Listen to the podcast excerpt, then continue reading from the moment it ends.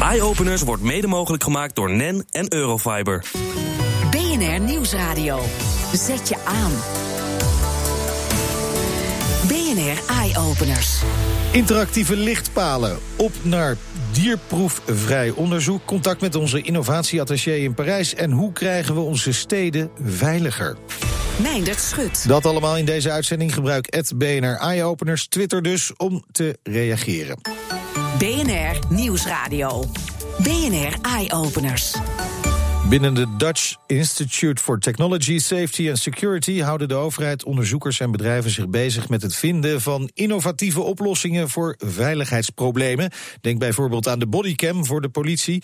Bij ons in de studio Jan Otte van DITSS. Uh, jullie houden je bezig met het uh, vinden van oplossingen, maar dat uh, beperkt zich niet alleen tot het technische aspect. Waar zie je op menselijk niveau nog knelpunten als het aankomt op innovatie en veiligheid? Ja, veiligheid is een moeilijk begrip. Veiligheid -hmm. is eigenlijk meer van je, je bent onbezorgd als je uitgaat, maar je moet eigenlijk ook een beetje bezorgd zijn. En ergens moet je daar de balans tussen vinden. En dat, dat is veiligheid? Dat is veiligheid. De veiligheid is eigenlijk, vind ik, meer van uh, leuk leven en biertje kunnen pakken zonder een dolk in je rug. Ja, en, of er niet aan te hoeven denken. In ieder geval niet, niet uh, de hele tijd denken aan wat er kan gebeuren, ja, zoals ja. in Parijs enkele weken geleden is gebeurd. Maar dat je gewoon met een gerust hart een biertje gaat drinken met vrienden. Hoe zou je dat gevoel van veiligheid kunnen bevorderen? Wat wij doen is, uh, jaarlijks organiseren wij een veiligheidsatelier. En dan proberen we maatschappelijke vraagstukken naar voren te brengen. In 2013 was het de eerste keer dat we het deden. En was bijvoorbeeld een vraag van hoe kunnen we uh, inbraken in industrieterreinen verminderen. De winnaar toen, die heeft gewonnen met het project Social Business Parks. En het idee was, uh, ik ken mijn buurman niet. De sociale controle op een industrieterrein is veel lager dan in een woonwijk. Het bedrijf dat gewonnen heeft, die heeft een uh, idee gemaakt. Ik noem het een soort Facebook van het industrieterrein. Ja. Zodat je elkaar leert kennen. Het tweede is dat je elkaar ook eerder van informatie voorziet. Dus nu weet je, als er op het industrieterrein ingebroken wordt, weet je dat niet bij je buurman. Maar nu wel, nu weet je het heel snel. Dus je kunt veel weer eerder anticiperen. En je kijkt ook in elkaars camera's. Ja. En de politie die geeft ook gegevens door, zodat je eigenlijk continu op de hoogte bent. En daardoor bewuster bent met, met de hekkensluiting. Ja, en, en, en, als je elkaar kent, dan ben je eerder geneigd om ja, te zeggen... hé hey, buurman, uh, je moet even opletten, want dat staat een beetje te koop daar. Dus, dit geldt voor bedrijven, dus mensen bij elkaar brengen. Daardoor uh, creëer je eigenlijk innovatie, uh, oplossingen die er nog niet waren. Hoe zit het met overheden? Hè? Verschilt het ook per stad, per gemeente... in hoeverre ze openstaan voor die samenwerking en dus die innovatie? Ja, wij zijn een Brabants initiatief. En in Brabant is, zit er ook verschil tussen overheden. Wij zien dat, ik, ik ben zelf een Tilburger en in gemeente Tilburg... daar is Peter Nordanus burgemeester en die is er heel erg van... Okay. Dus die, die duwt dat ook heel erg. En uh, die vraagt het ook werkelijk van mensen, kunnen jullie mij helpen? Ik heb uh, een drugscriminaliteit in de stad. Help me. Een tijdje terug is dat zelfs hier gebeurd op de Rembrandtplein, hier in Amsterdam. Waar men gewoon gevraagd heeft van, jongens, het moet hier veiliger. Kunnen we dat veiliger maken? En dan komen ja. ineens spontaan uh, 10, 20 perfecte ideeën Oké, okay, maar dan ben ik toch wel benieuwd naar een paar van die ideeën voor het Rembrandtplein. Ik kom er ook wel eens. ik, ik heb bijgezeten bij uh, vier of vijf presentaties van ideeën. De drie Brabantse hebben meegedaan. Uh, de eerste zei van, ja, je, je, de branding van het plein is niet goed genoeg. Je doet van alles. En daardoor uh, gebeurt er ook van alles. Als je nu dat wat strakker lijnt, hè, dus naar van, het is een plein om dit te doen, met, met, met focus. Met focus. Dan ga je naar, meer naar de kern en dan komen mensen voor die kern. Dus dat was de ene. De andere zei van ja, je moet de festival aanpak veel meer doen. Dus een festival, daar gebeurt bijna niks. Hè. Lowlands of zo, daar, ja, er gebeurt wel iets, maar je hoort ja. bijna niet. Zelfs de Zwarte Cross is een van de veiligste ja. evenementen van Nederland. Wat je ziet bij, bij festivals, heb je drie soorten bewaking of beveiliging. Ten eerste heb je sfeerproevers. Dat zijn mensen die rondlopen. Die horen zien als festivalbezoekers zien ze eruit. De tweede zijn de sfeerregelaars. Hè. De, die gaan er dan naartoe om uh, te helpen. En de derde is dan de bewaker als het echt uit de hand loopt. Ja. En in, in de stad zie je dat niet. Dan heb je of de politie of de bezoeker. Dan wil ik nog even naar een andere situatie waar wel eens een gevoel van onveiligheid zou kunnen zijn, namelijk voetbalstadions. Ja. Hè? Afgelopen weekend ja. uh, weer uh, Utrecht tegen ja. Ajax. Ajax-publiek mag er al jaren niet komen vanwege dat uh, veiligheidsaspect. Zou, zou je daar ook zoiets nou, op is, kunnen verzinnen? Is, leuk is dat nu in de arena een, een nieuwe idee ontworpen is. Echt heel geweldig. Ik vind, dat vind het echt heel mooi. We noemen het de Juichie-app. Hoe zou je het kunnen bedenken? uh, maar eh, daar zitten nu nieuwe camera's, zijn net uitgevonden uit, Ja. eh, uit Eindhoven. Maar die hangen nu Oh, in, de die arena. in de arena, goed, En die hangen ja. in de arena. en die kunnen dus 5000 foto's tegelijk maken. Dus wat er nu eh, gebeurt in de arena, en daar gaat binnenkort ook, ik geloof dat ook München interesse in heeft. Als jij een kaartje koopt, dan heb je daar een clubkaart voor nodig. Dus als jij gaat zitten, dan weet ik al dat jij op stoel 433B of C, of hoe Ja. dat dan precies heet, zit. Eh, als je die Juichie-app downloadt en eh, er is een geluid van juichen, dan krijg jij een foto naar jouw app toe. Met jou juichend staan. Dat, en dat betekent dus dat iedereen gefotografeerd wordt. Ja. En iedereen dat krijgt. Dat geeft ook een gevoel van veiligheid. Want ook degene die onprettig bezig is, krijgt ook die foto naar zich toe. Ah, oké, dus zijn eigen foto. Zijn eigen foto, als je dat. Ja, dus iedereen ziet ook. Je weet dus dat je zo op die manier op de camera staat. En daardoor wordt de camera nog wel commercieel. Want mensen vinden het wel leuk als ze op de foto staan. ja. Dus Dus eh, eh, één camera voor twee doelen eigenlijk, wat dat Ja, betreft. ja. Eh, als we nou kijken naar eh, technische ontwikkeling, want dit is er eentje voor in het voetbalstadion. Ja. Wat voor andere technologische ontwikkelingen zijn er om de veiligheid op straat te bevorderen? Ehm, op die prettige manier dan? Ja, ja, er is nu in, in Eind wordt ge- getest met een driedimensionale geluidscamera. Eigenlijk zie je niks, alleen maar geluid. Waarbij je weet precies waar het vandaan is, waarbij het gevoel wordt gemeten. Waarbij je ook merkt wanneer agressie... Gevoel meten met een gevoel camera? meten, Hoe doe je wa- dat? Wat, nou, bepaalt ook intonatie van jouw stem maken agressie en zo. En dat halen ze eruit. Oh ja, als ik heel erg sta te schreeuwen tegen iemand, dan, Ja, eh, dan- haalt die en- camera heeft dan Ja, door dan van, hmm, dat kunnen ze nog merken erg of, het, prettig. of u schreeuwt van hiep hoera Ja, of ja, ja, u schreeuwt eh, boos. Ja, Dat, dat halen ze eruit. Het is heel bijzonder. Eh, daar zijn ze mee aan het testen. Dat, dat ziet er ook heel goed uit. Een ander is dat eh, er een. eh, ik heb zelf in 2010 het idee van eh, Safe City bedacht. Dus met Ja. livestreaming video en, en, en telefoons. Daar komt nu een follow-up van. Dat zal eigenlijk Twitter en Instagram eh, voorbij gaan. Waarbij iedereen eigenlijk meehelpt om de veiligheid op straat eh, beter te beleven met livestreaming video. Dat, ik mag nog niet zeggen hoe het nieuwe product heet. Maar dat, dat, daar zitten Wel- mensen halen nu geld op eh, om dat te gaan doen. En ik verwacht daar heel veel van. nou, we zijn heel benieuwd. Daar gaan we ongetwijfeld nog heel veel van horen. Hartelijk dank Jan Otte van het Dutch Institute for Technology, Safety and Security voor je komst naar de studio. Wil je nou meer weten over dit onderwerp? Kijk dan op bnr.nl slash eyeopeners. Meindert Schut. Het is naïef om te denken dat het eh, Amsterdam Light Festival puur om licht gaat. Ook geluid is belangrijk. Het eh, project Citizen Data Lab bouwde palen die onze gesprekken op internet letterlijk vertalen. Dus tenminste de bedoeling. Na zonsondergang ging eh, verslaggever Elfanie Toulaar er langs en keek of het werkte. De palen spreken gesprekken uit eh, die mensen online hebben gevoerd. Wouter Meijs, onderzoeker aan de HVA en ehm, projectleider van het Citizen Data Lab. Het waait, het is guur weer, maar eh, de lampen branden in ieder geval. En wat je dat ziet, dat zijn eh, acht palen. Metaal van de onderkant, wit aan de bovenkant. En bovenin zit een speakertje. Het idee is prachtig, maar het is vooralsnog eh, vrij stil hier. Ja, we hadden eh, wat technische problemen. Dus we zijn momenteel heel hard aan het werk om, eh, om het eh, op te lossen. Maar straks als we hier bij deze palen staan, dan, wat horen we dan precies? Gesprekken die mensen hebben gevoerd online. Op fora. Op fora bijvoorbeeld, maar ook op sociale media zoals Twitter of Facebook. Maar Deze lichtpalen kunnen met terugwerkende kracht de Zwarte Pieten discussie voeren. Ja, bijvoorbeeld. Eh, maar ze kunnen het ook hebben over eh, poesplaatjes bijvoorbeeld. En dat wordt random uitgekozen. Ja, nou ja... Hoe eh, werkt dat dan? Ehm, nou ja, we, hebben, we moderaten het nog wel. Dus we hebben een repository waarin we allerlei discussies van het internet eh, eh, opslaan. En daar eh, trekken we random discussies uit. En die verdelen we onder de palen, zodat ze daarover kunnen gaan discussiëren. Maar het blijft wel op een bepaald niveau. Ja, ja. Seks, drank en drugs zul je hier niet zo gauw over straat horen. ja nou, ofwel. Maar goed, de software daarachter is dus nu op dit moment, nu we hier lopen, nog niet helemaal klaar. Maar kunnen we even binnen gaan kijken? Want daar is geloof ik, wordt nu keihard met computers, Ja, worden de laatste bugs eruit gehaald. ja, daar zijn ze aan het coden. Komen we binnen? Hoi. Hallo. Jullie zijn keihard aan het werk? Ja, een beetje wel, inderdaad. Ja, klopt. We horen nog niks, mannen. Uh, als het goed is nu wel, ja. Als het goed doen ze het nu? Ik ben net, niet, net, net te vroeg binnengekomen. ja. Ja, ik zie, eh, ik zie op je laptop ehm, de scooters en mopeds are allowed on the bike lanes without helmets. Dit wordt nu op het internet gezegd? Uh, ja, nou niet nu, maar dat is gezegd inderdaad. En dat wordt nu dus buiten op door de palen, door de citizens gesproken inderdaad. Okay, nou, dan gaan we nu toch maar even ja? buiten kijken. Weet u wat deze palen gaan doen? Ze gaan zo praten met elkaar. Oh ja, dan gaan we nog even wachten. Ja, als het goed is, doen ze het nu. I dislike nature, but the color green. I think it's a nice color. Blue. Excuse me. Do you like blue? The color. Geweldig.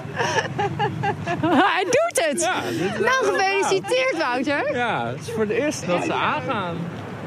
Max Volgens mij is dit een opbloeiende romance. Wat denk jij? Ja, misschien wel, ja. Wat is nou het moeilijkste aan het realiseren van dit project? Want het lijkt me ongelooflijk ingewikkeld. Uh, nou ja, vooral de techniek uh, is uiteindelijk uh, heel erg moeilijk gebleken. ook om alle techniek in de, de palen te stoppen. Dus jullie wisten wel hoe het moest, maar om het erin te passen, dat was het moeilijk. Ja, ja, dus dat was een heel gepuzzel inderdaad. Maar het is uiteindelijk gelukt. Het is uiteindelijk gelukt. Het sprekende kunstwerk is nog tot half januari te zien in het Amsterdamse Hortusplantsoen. Meer weten over dit project? Kijk dan ook weer op bnr.nl/slash eyeopeners.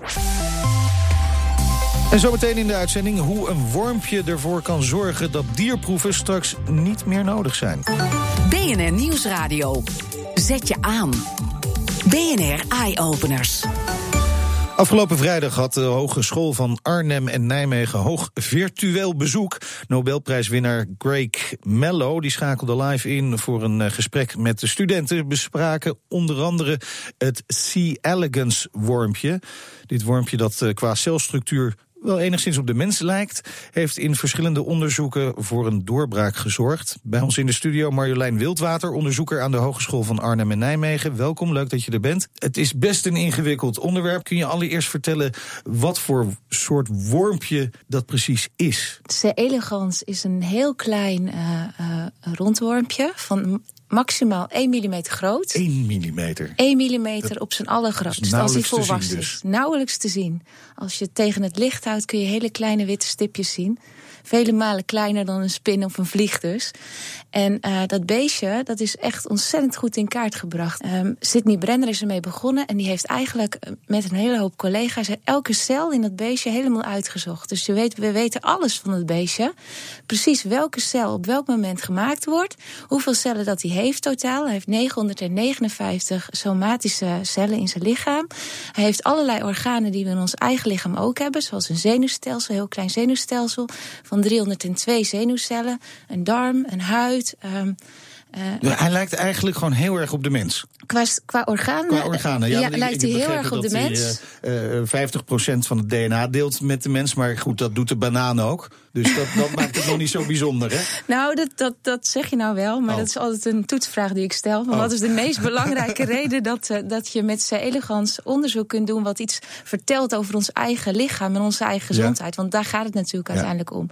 En de reden daarvan is voornamelijk dat hij genetisch heel erg lijkt... op wat er in ons eigen lichaam. Dus qua erfelijke samenstelling lijkt heel erg op wat wij uh, ons eigen DNA hebben. Dus 50% vergelijkbaar uh, erfelijk materiaal. Maar ook qua, qua processen in het lichaam. Dus bijvoorbeeld de deling van cellen, uh, het gedrag van cellen, de communicatie tussen verschillende weefsels. En dat maakt dat je dit diertje heel goed kunt inzetten als testmodel om meer te leren over wat er in ons eigen lichaam gebeurt. Waar het hier om gaat is dat je uh, de als je studies gaat doen voor onze gezondheid te bevorderen, bijvoorbeeld zijn medicijnen werkzaam of zijn bepaalde stoffen die in je dagelijkse omgeving tegenkomt giftig, zoals de benzine die in je auto stopt, de sla die je eet uit de supermarkt, dan wil je dat niet testen op apen. Dat is ethisch natuurlijk heel lastig. Dus vandaar dat we naar zo'n heel klein uh, organismen gaan. Dat vinden we dan wel ethisch wel verantwoord. Over het algemeen vinden mensen dat ethisch meer verantwoord. Dan geef ik altijd het voorbeeld van: het is natuurlijk ook een gevoelswaarde, maar een spin in je huiskamer of een mug in je huiskamer, die al vele, vele malen groter is. Dat doen we ermee. En klap plat, erop. Plat ermee, ja, zeker. Ja, ik begrijp ook dat je het wormpje zelfs kunt trainen. Zo'n beestje heeft ook een geur en een uh, geheugen een, een, primitief geheugen. Dus je kunt hem inderdaad dingen leren. En er wordt dus ook ingezet voor onderzoek naar neurodegeneratieve ziektes, zoals bijvoorbeeld Alzheimer of Parkinson of Huntington of ALS. Uh, en waarin, waarin je eh, en een mooi voorbeeld is dan, hij heeft bijvoorbeeld geur. Dus als je hem een vies geurtje aanbiedt, iets wat hij niet lekker vindt ruiken, maar daar is wel zijn eten en hij eet bacteriën, dan zal hij in eerste instantie, als hij naïef is, dus ongetraind, zal hij proberen om weg te komen van die stank. Nou, dat Ja. zou net als wat wij zouden doen eigenlijk. Maar op het moment dat hij nou merkt dat op de plek waar het minder stinkt, er geen voedsel is, zal hij toch op zoek gaan naar eten. Komt hij uiteindelijk in dit stankgebied terecht, vindt daar eten en leert dan eigenlijk soort van: ik moet naar dat stinkend gebied, want daar kan ik lekker eten. Ja. En de volgende keer dat je hem dus blootstelt, herinnert hij zich dat en gaat hij daar naartoe. Nou, en hoe kun je dat dan voor, voor, voor ziekteonderzoek Ja. gebruiken? Nou, je maakt hem dan bijvoorbeeld eh, vergeetachtig door bepaalde veranderingen in zijn erfelijk materiaal aan te brengen, dat hij, dat hij vergeetachtig wordt. Ehm, en dan ga je kijken, als je medicijnen daarop test, Wordt hij minder snel Ja, ja. vergeetachtig. Oké. En dan weet je dat je medicijn potentieel een, een, een, een medicijn is wat ook in ons eigen Ja, systeem zou En kunnen dat is wel interessant, hè, want dan komen we ook weer bij Nobelprijswinnaar Craig eh, Mello. Die heeft onderzoek gedaan naar RNA-interventie. Dat is een belangrijke methode om eh, ziektes te kunnen bestrijden, ook als ALS en Alzheimer bijvoorbeeld. Eh, en, en dat heeft dat, die link met dat wormpje. Laten we even luisteren naar een stukje uit het gesprek dat hij met de student had afgelopen vrijdag. We see that they're very closely related. The RNA interference mechanism that we discovered in C. elegans existed in the common ancestor of all animals more than a billion years ago. The smart thing that we did was we worked on an animal that was really easy to work on in the laboratory, but has, you know, all the same sort of like high tech machinery inside of it for doing everything that we do. There, there's, you know, I always tell people there's no such thing as a higher or lower organism. Everything alive today is a survivor of 4 billion years of evolution. High-tech is het eh, wormpje gewoon. Ja, dat, eh, dat eh, zal ik niet tegenspreken, zeker niet. Prachtig, omdat ze, het is bijna nanotechnologie. Nou ja, het is natuurlijk ook heel klein, hè? maximaal 1 millimeter. En je kunt ze dus ook met hele grote hoeveelheden in, in tegelijk testen. En, en dat, dat is een voordeel natuurlijk. beestje krijgt in drie dagen krijgt hij ongeveer 250 tot 300 nakomelingen. Dus dat heeft een hele hoge reproductie. En, en het is belangrijk om te zien bij, bij geneesmiddelenonderzoek bijvoorbeeld, hè, wat, wat, wat zo'n eh, eh, genezing, wat zo'n medicijn doet bij meerdere generaties. Ja, ook, maar ook bij meerdere dieren. Want als Ja. je bijvoorbeeld denkt aan, aan de dierstudies die, die nu veel gebeuren, muizen of ratten voornamelijk, dan is dat natuurlijk, daar heb je veel, veel meer ruimte en veel meer dieren nodig om echt iets te kunnen zeggen Ja. over wat echt het effect is. En dat is dan nog een voordeel om op deze wormpjes te testen ten opzichte van apen bijvoorbeeld. Zeker, dus je hebt te veel op een klein oppervlak. Korte generatietijd, ze zijn doorzichtig. Dus je kunt ook door ze heen kijken. En wat ook heel mooi is, is dat we dus al die cellen exact weten. Dus als er iets verandert in het dier, kun je dat gewoon meteen zien. En dat is in geen enkel ander organisme. Is, is het zo mooi in kaart gebracht van een bevruchte eicel naar een heel organisme. Hoe elke cel zich ontwikkelt, op welk moment, op welk tijdstip. Dat is dus uniek. Wij gebruiken het beestje voornamelijk voor het beoordelen van de effecten van stoffen op de veiligheid voor ons eigen lichaam. En dat kan zijn in de vorm van het testen van, van medicijnen, potentiële nieuwe medicijnen, zodat we daar een voorspelling over kunnen doen of ze werken en of je dus minder snel uh, of het potentiële medicijnen zijn die niet Ja. bijvoorbeeld niet, ook niet giftig zijn en wel werkzaam. We hebben ook een grote groep samenwerkingen uh, met industrieën van bijvoorbeeld de chemische en agrochemische sector om de veiligheid van stoffen te beoordelen, dus de andere kant van Ja. gezondheid zeg maar.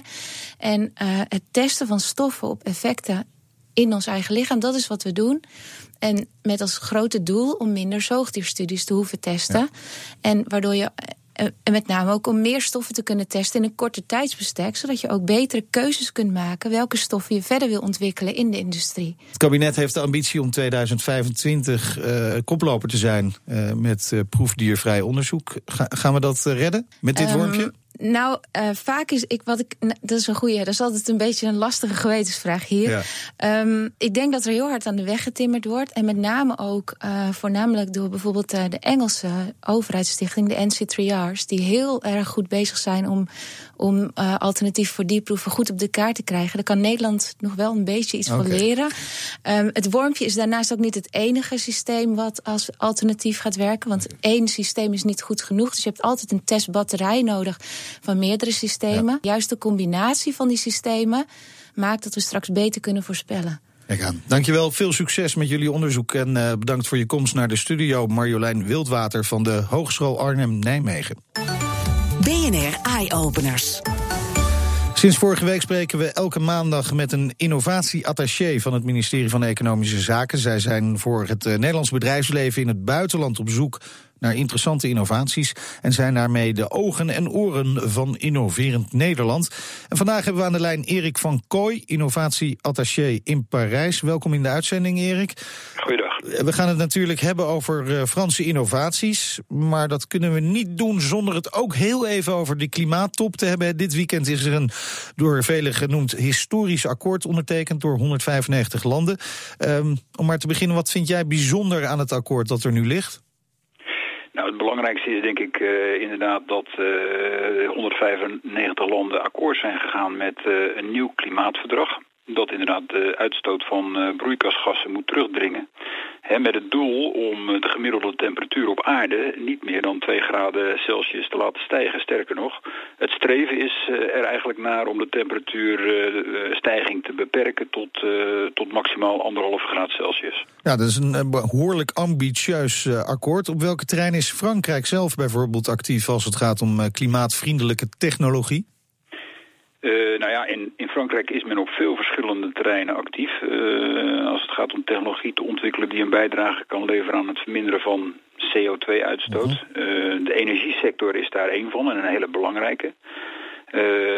en het gaat dan bijvoorbeeld om het ontwikkelen van meer toepassingen van schone en hernieuwbare energiebronnen, zoals bij energie bijvoorbeeld, zonne-energie bijvoorbeeld het geval is. de energie van de zon in de vorm van nou ja, enerzijds warmte, maar natuurlijk ook licht. Hè, is, een, is een goede bron van hernieuwbare energie uh, op aarde. Maar welke toepassingen uh, trekken op dit moment de aandacht als het gaat om die zonne-energie in Frankrijk? Een voorbeeld van een interessante en bruikbare toepassing uh, is, is denk ik ontwikkeld door een bedrijf, door een Frans bedrijf Colas.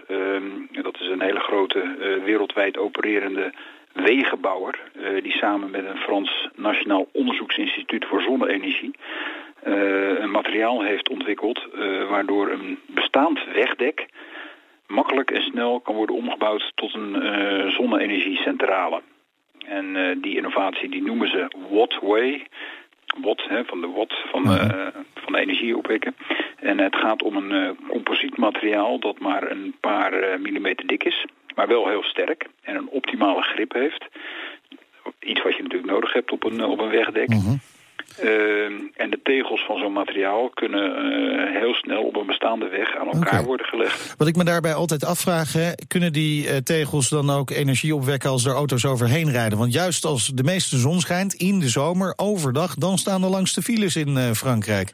Ja, nou, het schijnt zo te zijn dat als je naar alle wegen uh, kijkt, uh, dat, uh, dat gemiddeld maar 10% zeg maar, van een dag een weg bezet is door, door auto's of vrachtwagens. als je in de file zelf staat, dan lijkt dat natuurlijk anders. maar dat is wel zeg maar, het gemiddelde.